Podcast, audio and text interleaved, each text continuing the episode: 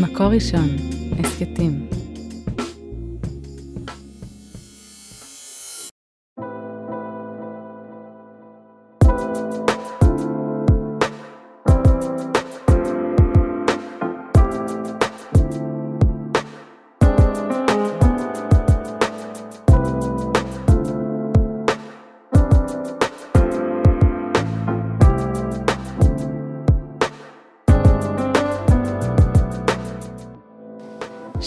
שלום, שלום לכולם, כאן שירת מלאך, אנחנו בפרק חדש בהסכת עד האהבה מבית מקור ראשון, והיום אני פה מארחת את שרי ז'יטלני, אני מקווה שאמרתי נכון, שרי. אמרת מצוין. כן, שרי, אנחנו מכירות כבר אה, כמה שנים, ושרי היא אחות בתל השומר, אחות אונקולוגית ילדים. ואחרי הסבה מקצועית של 14 שנים בהייטק. נכון. ואת כל הלב שלך את מביאה לעבודה, לילדים, להתמסרות. אה, כן, עשיתי איזשהו שינוי אה, בקריירה שלי. אה, חיפשתי משהו שאני יכולה לתרום ולתת. לא שאני פחות מחבבת את ההייטק, אני מאוד אוהבת עדיין, אבל רציתי איזשהו שינוי, היה לי זמן פנוי. והנה, אז עשיתי את השינוי, עשית את זה, כן. מקסים. ואנחנו פה לדבר על זוגיות וכמיהה להורות, לאימהות. האפשרויות שיש היום, על הורות יחידנית ועל הדילמות והערבוב הרגשי שכל המסע הזה מזמן. אה, לגמרי. אה, אני בת 39, אה, המציאות של החיים גורמת לך אה, לחשוב אה, מה האופציות שלי ומה מה אני יכולה לעשות כרגע, מה הדילמות. וכן, אני נמצאת באיזשהו צומת דרכים כזו שאני צריכה לקבל החלטות. ואולי לפני שנדבר על הצומת הזו ועל ההחלטות באמת הכבדות משקל שאת עומדת בפניהן, אולי נלך קצת אחורה way back אחורה, למקו, לפעם הראשונה או לתחנת חיים שאת מרגישה שהנושא של זוגיות ושל הורות מתחיל ככה באיזה דיאלוג פנימי, שיחה, אה, ערבוב רגשי בין שתי, שני הצרכים הכל כך אה, חיוניים האלה בעולם, של הורות, אימהות וזוגיות. אה, אני חושבת שאצלי זה הגיע, זה תמיד היה שם דיבורים על אה, אה, הורות. אה, מאוד אהבתי ילדים תמיד, אז תמיד היה נוכח בחיים שלי. אני חושבת שזה המקום הכי משמעותי, זה היה שהתגרשתי בגיל 28, אה, שהרגשתי שאני מתרחקת מהחלום של משפחה. אה, שם זה כאילו, הבנתי ש... שאימא'לה, לא לזה התכוונתי, ולא לזה, לא זה מה שאני רוצה, ואני מתרחקת מהחלום שלי. זאת אומרת, את, אה, את התגרשת בגיל 28, כן. אחרי אה, שש שנות נישואין. נכון. שבהם לא היו לכם ילדים, זה היה מבחירה, זה היה מ... אה, מהמציאות. חלק בחירה, בתחילת הנישואים זה היה מבחירה, בהמשך הנישואים זה היה ממציאות. אה, ממציאות של קושי להיכנס להיריון. אה, כן, היה איזושהי בעיה. אה, שהזוגיות בעצם התפרקה בגלל אותה בעיה. ואז את מוצאת את עצמך בגיל 28, גרושה, חוזרת ל... לתחנה הזאת של, לנקודת ההתחלה של אה, חיפוש אה, זוגיות, אבל ממקום אחר, ממקום אה, של תובנות אחרות, של מבט אחר. מה היה ההבדל בין גיל 22 לגיל 28? אמ, בגיל 22 הייתי מאוד עסוקה בקריירה, בלהגשים את עצמי קודם כל. אה, ואת הקריירה שלי, ולקנות בית ורכב, וכל הדברים הטכניים שרציתי מסביב כהכנה למשפחה. אה, ובגיל 28 הרגשתי שאני נורא נורא מוכנה לזה, ואז המציאות של החיים פתאום אה, נותנת לך איזשהו כאפה, שגם אם את מוכנה, לא הכל מוכן מסביב. כאילו, הפרטנר לא מוכן, אז שמה כאילו בגירושים זה היה לי איזשהו כזה שפתאום נבהלתי שאולי זה לא יהיה כזה מהר כמו שחשבתי. שזה לא בלחיצת כפתור, שזה לא... תמיד דחיתי את הילדים כי הרגשתי שזה הדבר הכי קל. אה, וקודם כל קריירה זה לוקח מלא זמן, ודירה זה הרבה זמן, וכאילו כסף, וילדים זה משהו קל להשיג אותו. ו... קל במובן הזה שכשאני ארצה... זה, זה יקרה. Mm-hmm. והגירושים, אה, הבנתי שזה לא ככה. פתאום, אימא'לה, איך עושים את זה? ופתאום למצוא זוגיות חדשה, ופתאום אה, להבין שגם כשאני אמצא זוגיות חדשה, את לא יודעת מי הפרטנר שלך, אם הכל יהיה תקין אצלו, לא יהיה תקין אצלו, יהיה בעיות, כאילו, את נכנסת לסרטים קצת. ואז עשיתי חישוב, מה, מה, מה אני יכולה, מה האופציות שלי. זאת אומרת, כבר בגיל 28, שלי זה נשמע גיל קצת צעיר להתחיל לברר את האופציות. כי בעצם גיל 28 אפשר להגיד, הנה, אוטוטו, אני מוצאת זוגיות חדשה, וזהו, וזה עוד רגע שם. אני תמיד ידעתי שאני לא בן אדם סטנדרטי, ולמצוא בן זוג חדש, אני חושבת שבשנייה שהתגרשתי הבנתי שהסיכוי שלי למצוא אה, בן זוג שמתאים לי הוא שואף לאפס. וואו. אז אה, אמרתי, אוקיי, אה, מה האופציות שלי? אם אני לא אמצא, איך אני... על ילדים אני לא מוותרת. זוגיות מתישהו תהיה לי, אבל איך עושים את הכל ביחד? את המשפחה, את הדבר הזה שמזה התרחקתי, קצת הלחיץ אותי, ואז חשבתי על כל, מה יכול להיות, אני תמיד בן אדם של אופציות, מה יכול להיות? אם לא זה, אז זה, ואיפה אני בסטטיסטיקה, ומה הסיכוי. ומה זה מניע אותך לעשות בפועל? אה, לבדוק את האופציות, לא ללכת עליהן, אבל קודם כל לדעת מה האופציות שלי, ואחר כך אני אבחר מה, שאני, מה שנכון לי, אבל קודם כל לדעת מה האופציות שלי בכלל. ומה את מגלה? שזה עוזר לי לדעת מה האופציות, אבל... אה, גיליתי, אז דיברתי עם... אה, עם איזה רב בעמותת... אה, מכון פועה. מכון פועה בדיוק, ודיברתי... סיפרת לי בשיחה המקדימה. נכון, פשוט דיברתי איתו מבחינה הלכתית, מה, מה אני יכולה, מה אני לא יכולה, וזהו, פשוט היה שיחה בשביל לדעת מה אני, מה יש אפשרות, בשביל לדעת מה אני יכולה, ושיהיה לי את זה בראש, ועדיין החלטתי שאני בוחרת בלחפש...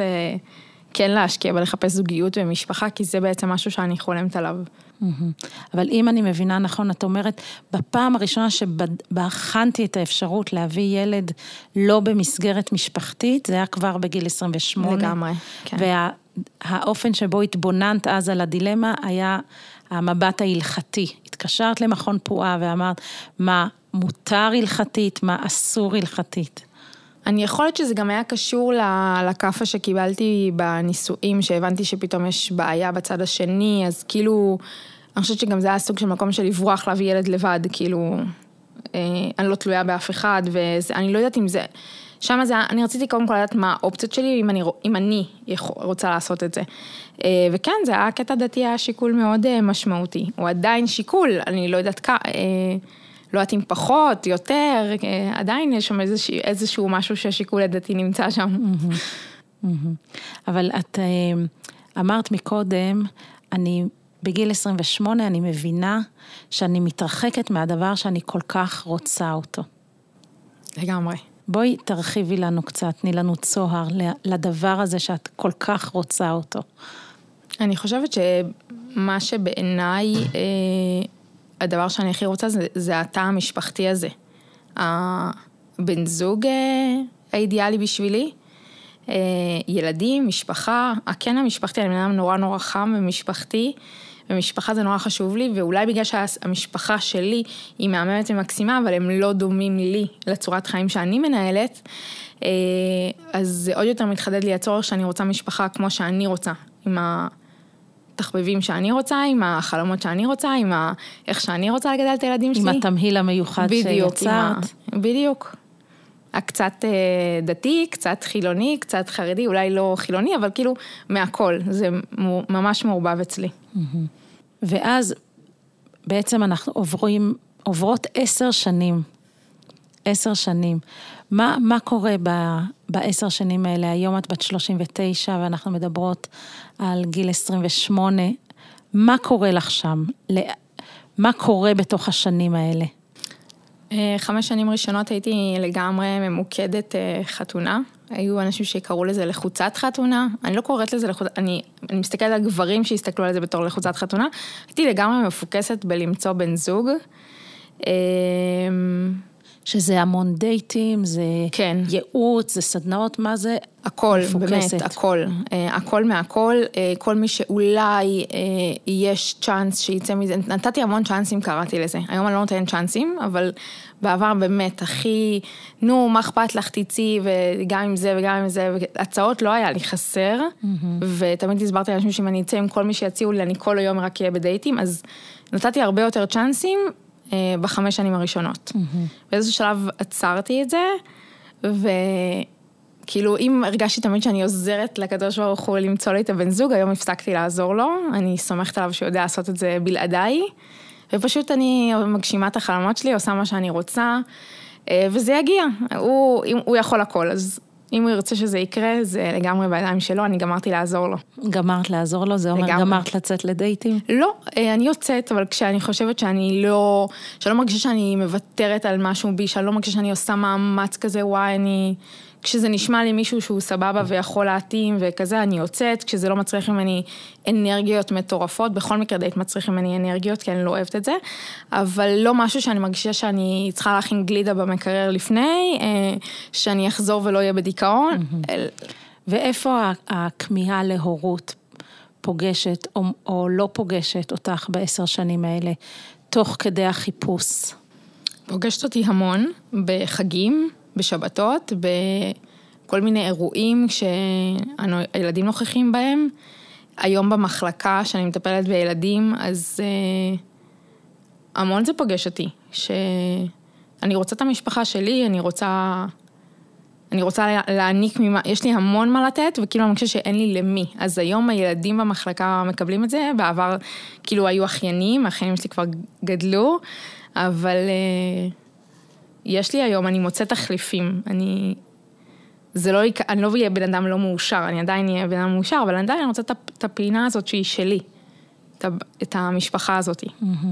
בכל, בכל מרחב, המרחב של היכרויות תמיד מדברים על השעון הביולוגי ושהוא אה, מתקתק ואפילו, וסיפרתי לך את זה גם בשיחה המקדימה שלנו, שהגיע אליי לייעוץ אה, גבר והוא אמר, אה, אני כבר לא יכול עם הבנות האלה, אני יוצא ואני מרגיש שהן מתייחסות אליי בתור תרומת זרע מהלכת. שמה שהן רוצות ממני זה את היכולת להיות אימהות, והן לא רואות אותי. מה, מה את אומרת על המשפט הנוקב הזה? זה נשמע לי כמו אוי אוי אוי, קצת התבכיינות, אני לא חושבת שזה נכון, כי אני חושבת שאם... אה, אני מאמינה שיש בחורות שהן מפוקסות אה, רק לזה והן באמת רואות בפרטנר, הן לא רואות את הפרטנר שלהן, אז אולי זה באמת לא הדבר המתאים, אבל כש... אני חושבת שמישהו רוצה את הבחורה, אז זה יקרה. ואם הוא לא רוצה אותה, אז זה לא העניין של הזמן. כאילו אם באמת היית חושב שזה מישהי המתאימה לך, אז השלושה חודשים או החצי שנה או השנה שתצאו, זה לא הפקטור זאת אומרת, המשנה. השעון הביולוגי, נכון, הוא מלחיץ אותנו, אבל זה לא מה שמנהל את הקשר. אני לא חושבת, אני חושבת שאם הוא היה אמפתי ומקסים והכי יודע להכיל את ה... יש פה איזו סיטואציה שהיא קשה לצד השני, לנו. אנחנו, יש לנו, אנחנו לא רוצות להיות בסיטואציה הזאת, ואני חושבת שאם הוא היה יודע להכיל את זה, אז, אה, אז זה לא היה מפריע להם לקשר. אני חושבת שכנראה כשמישהו מלחיץ, מלחיצים אותו, אז הוא זורק את זה על זה. אז גם עכשיו אנחנו חושבות, מסכימות שהבעיה היא אצלו. אני חושבת שכן, אבל... אה, זה שיח נשים קלאסי. אה, לא יודעת, אני לא, יש הרבה דברים שאני מסכימה שהגברים נתקלים בנשים שהם לא... אני לא יודעת להגיד ספציפי, אבל פה זה נשמע כאילו הוא לא מצליח להבין את הסיטואציה של הצד השני. ועכשיו, הנה אנחנו מגיעות ככה ביחד לשנים האחרונות. והנושא הזה של הורות, הוא תופס אצלך יותר ויותר מקום, אני מבינה במחשבות וגם בפרקטיקה. את בוחנת את האפשרויות שקיימות היום. אז בואי תספרי לנו מה האפשרויות הקיימות, אפילו ברמת הידע, ואחר כך נדבר מה מתוכם ככה, או איך מתוכם בחרת, מה נכון עבורך. אמ, האופציות שקיימות אה, זה להביא ילד לבד, אה, תרומת זרע, בארץ או בחו"ל, לא משנה. אה, יש אופציה של הורות משותפת, שזה, אה, ההמלצה זה לעשות את זה עם גיי, אה, ולא עם straight דווקא. את רוצה טיפה להסביר על זה? קראתי איזשהו ספר של העמותה של משפחה חדשה, שהם לא ממליצים לעשות את זה עם straight, בגלל שנכנס, כאילו, סטר... אם את יוצאת עם מישהו למטרת הורות משותפת, ואז צריך שיהיה איזשהו, אם, אם את עושה הורות משותפת, צריך שיהיה כימיה ביניכם, וקשר טוב, ואם יש את הקשר הטוב הזה, אז כנראה שאתם תתחתנו. ואם אתם לא מתחתנים, אז יהיה שם מתח כל הזמן, אם הוא straight, יש שם איזושהי בעיה, ומניסיון שלי, שהייתי בסיטואציה כזאת, עוד לפני שקראתי את הספר, הבנתי שעם הבחור הזה אני לא אעשה את זה, כי יש שם המון אמוציות והמון אני רוצה אותו למעבר, אני רוצה, יש שם... זה לא יהיה משהו בריא. ואם אני מבינה נכון, כשאת מדברת על הורות משותפת, את מדברת על הפריה חוץ גופית. אה, כן, שהורות משותפת, הכוונה אצלי שעושים את זה דרך הפריה, כאילו IVF. אז אמרנו תרומת זרע ואמרנו הורות משותפת. אה, כן, ויש אפשרות להתחתן פשוט, אני לא אגיד כרגע, יש אפשרות להתחתן, אה, להביא ילדים ולהתגרש, או לא להתגרש, או אין לי מושג, כאילו אני שומעת כל מיני אופציות כאלו מסביב, או המלצות מאנשים לעשות את זה. שזאת אפשרות שאחיך למשל, כן. שוחח איתך עליה, נכון. בתור האופציה, האופציה הכי טובה. מבחינתו, מבחינתו, זו האופציה הכי טובה. מבחינת המשפחה שלי זו האופציה הכי טובה. אני, שמה? שאני אתחתן, יביא ילדים, ואז יתגרש עוד פעם. אה, שבעיניי זה לא אופציה. אמ, שאיך הרגשת שם בסל, בסלון ביתך, סיפרת לי שאחיך הגיע במיוחד והוא דמות רבנית והוא אמר לך, שרי, בשבילך, תתחתני, תביאי ילדים ותתגרשי. אמ, הרגשתי את האמת רע. אמ, למה בעצם אני מתחתנת? למה לא, כאילו, אני חושבת שהסברתי, אני חושבת שהאחי לא הבין את זה לגמרי, כשהסברתי לו, כשבהורות משותפת עושים את זה ב-IVF, ולא עושים את זה אה, בצורה הנורמטיבית והרגילה, אז הוא קצת נרגע ואמר, אוקיי, אני לא נגד הורות משותפת. הוא ב... ב, ב מחשבה שלו במקום המאוד לא מכיר, חשב שאני כן אה, מקיימת יחסים עם הבחור. וברגע שהוא הבין שאני לא מקיימת יחסים, אז לא היה לו בעיה כאילו עם הורות משותפת. ברור שבקונספט שלו, אה, כשיסתדר מה, מה יותר נוח לו בסביבה שלו, אולי להגיד לילדים שלו או משהו כזה, זה שרי תתחתן, מקסימום תתגרש עוד פעם, אף אחד לא צריך לדעת מה היה שם. אה, אבל אה, אני חושבת שהוא הסתכל על זה מקטע דתי, mm-hmm. אבל ברגע שהוא הבין שאין שם איזשהו קיום יחסים, אז הוא פחות נלחץ מזה. Mm-hmm. ובכלל, כשאת חושבת על המציאות הזאת, שאת באה להורים שלך עם ילד, אה, בעצם מחוץ לנישואין, איך זה מרגיש לך? איך האקלים המשפחתי אה, יקבל את זה? כמה זה מעסיק אותך? יש לי משפחה מקסימה, קודם כל. אה, אני חושבת ש... לפעמים אני חושבת על זה, אני חושבת שזה יהרוג את אבא שלי. חד משמעית. אולי גם את אימא שלי, אני לא יודעת, אבל uh, ממש יהיה להם קשה. אני פחות לא חושבת על זה היום. זה באמת כאילו, אני אומרת, לא, אני גמרתי להתעסק במה זה יעשה להם. אני כרגע עסוקה בעצמי, כי אני חושבת שעשר שנים, אה, המון בני זוג שרציתי, אה, פחדתי איך ההורים שלי יקבלו את זה או לא יקבלו את זה, או לא יצאתי עם אה, המון בחורים שיכלו להתאים לי, כי פחדתי איך הם יקבלו את זה, היום אני כבר לא שם, זה ממש לא מעניין אותי. אני עושה כרגע את מה שנכון לי. היום בידיעה שהם הם, יחי, הם בסוף יכילו את זה, קשה יותר, קשה פחות, אבל יכילו את זה. אבל את אומרת, אני עסוקה במה נכון לי בחיים. נכון, לגמרי, כרגע לגמרי. כן, זה משפט חזק. כן. ואם אנחנו חושבים מה נכון לך בחיים, אז אני רוצה לשתף את המאזינים במשפט שאת אמרת לי קודם, ואני אחזור עליו עכשיו, שאת אמרת, אה, אני נמצאת עכשיו בתחנת חיים שזה כמו משפט שלמה. אני צריכה עכשיו לבחור. לבחור בין מה למה. משפט שלמה זה לקרוע. אני ממש מרגישה ככה, כי אה, אני חושבת שמי שיש לו זוגיות טובה, זה הסתדר בחיים. זה... הוא קיבל את המיליון דולר, הוא ממש, כאילו זוגיות טובה זה הדבר הכי חשוב לי. אמ, ומצד שני, ילדים, וכאילו אני מרגישה שאני, האופציה שאני רואה לנכון להביא ילדים כרגע זה הורות משותפת עם גיי, ואני מוותרת על איזשהו, על זוגיות, זה מה שאני מרגישה שאם אני הולכת לעשות את זה, אה, עם גיי אני פשוט מוותרת על החלום שלי, שזה זוגיות טובה. על החלום של משפחה, שזה משהו ש... שאת אומרת, אם אני בוחרת להביא ילד, אני נכנסת למערה, לתא משפחתי מסוג מסוים, ואני מקריבה את הצורך שלי בתא משפחתי מסוג אחר. נכון, זה מה שאני מרגישה. אה, יכול להיות שזה יהיה טוב, אבל ב... אני לא יודעת, אני קודם כל, אני לא יודעת איך זה יהיה, אבל זה, כן, זה איזשהו... החלום ושברו, אני לא יודעת מה, כאילו, יש לי איזשהו חלום, כן, אני אף פעם לא הייתי סטנדרטית בחיים שלי ותמיד הייתי שונה, ויש איזשהו, אולי משהו אחד בחיים כן ילך לי לפי הספר, בא לי להיות משהו אחד לפי הסטנדרט, נורמלי, להתחתן, ילדים, הכל סבבה, אבל אולי זה לא אני. אבל במה שרי של היום, בגיל 39, אה, שונה משרי בת ה-28? כי גם שרי של בת ה-28 התלבטה ביחס להורות יחידנית, וגם היום את מתלבטת. ובמה ההתלבטות הזאת שונה? אמ, אני חושבת שלפעמים הנושא הדתי פחות אישו אצלי, אבל אני חושבת שזה מגיע מחוסר אמונה, זה לא שהוא באמת אה, פחות חשוב לי.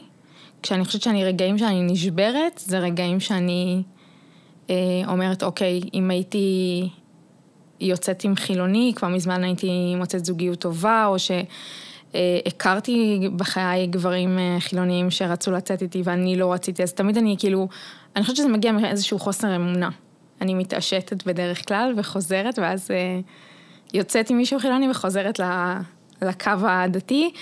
אה, אני כן מאמינה היום ששוב פעם, אני לא צריכה לעזור לו, ואם כשזה צריך לקרות זה יקרה. השאלה אם הוא רוצה שזה יקרה. ומה את חושבת? אני רוצה לקוות שכן. את יודעת, שרי, אנחנו מדברות על נושא שהוא כל כך אה, כבד ורציני והרי גורל. והאישיות שלך תמיד היא כזאת אה, מלאת חיים, ואספר למאזינים שיש בך אה, טיפה ג'ינג'יות וככה חיוניות כזו, איך, מאיפה הכוח שלך גם בנושא הזה, או בכלל להחזיק את הדילמה הזאת ולהתלבט בה? קודם כל, מי אמר שיש לי כוח? אה, זה דילמה, זה בדיוק מה שאמרתי, משפט שלמה. אני לא חושבת ש... אה, זה דילמה ממש גדולה, ולא בטוח שאין לי תשובה. באמת שאין לי תשובה.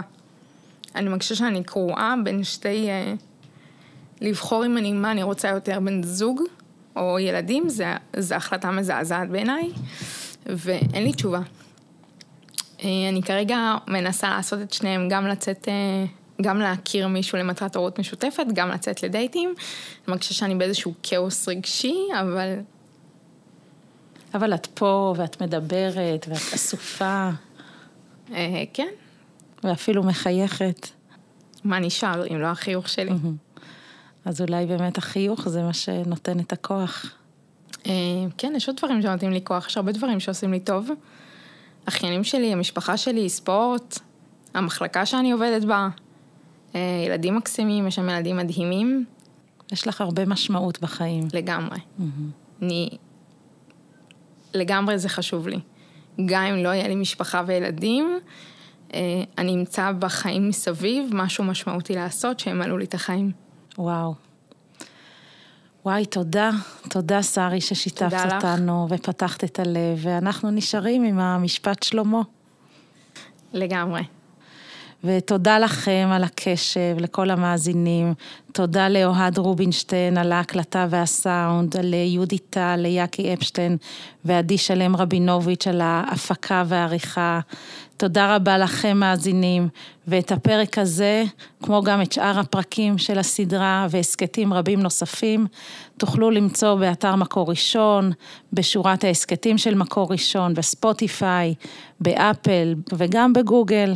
נתראה בפרק הבא.